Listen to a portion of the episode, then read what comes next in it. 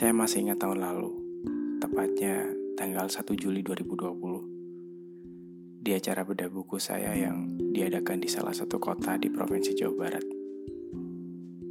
Ada salah satu pembaca saya yang menanyakan satu hal. Yang sebenarnya buat saya itu lumayan sensitif sih.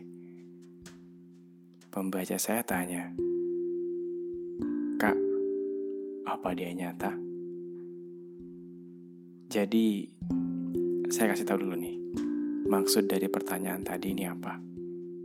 Jadi, dia menanyakan tentang salah satu karakter perempuan atau wanita yang ada di buku saya. Dan waktu itu, dengan berat hati saya coba untuk memberi pengakuan. Jadi, iya, dia nyata. Dia hidup di bumi bersama kita.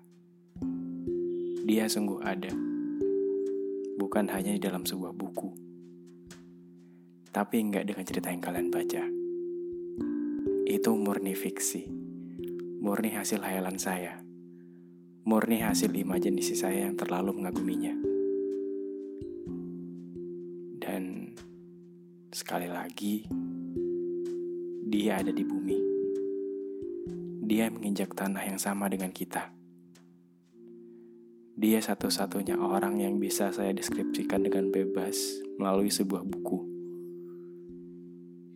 Dan rencananya, saya ingin membuat satu buku, yang di mana buku itu khusus untuk menceritakan orang ini.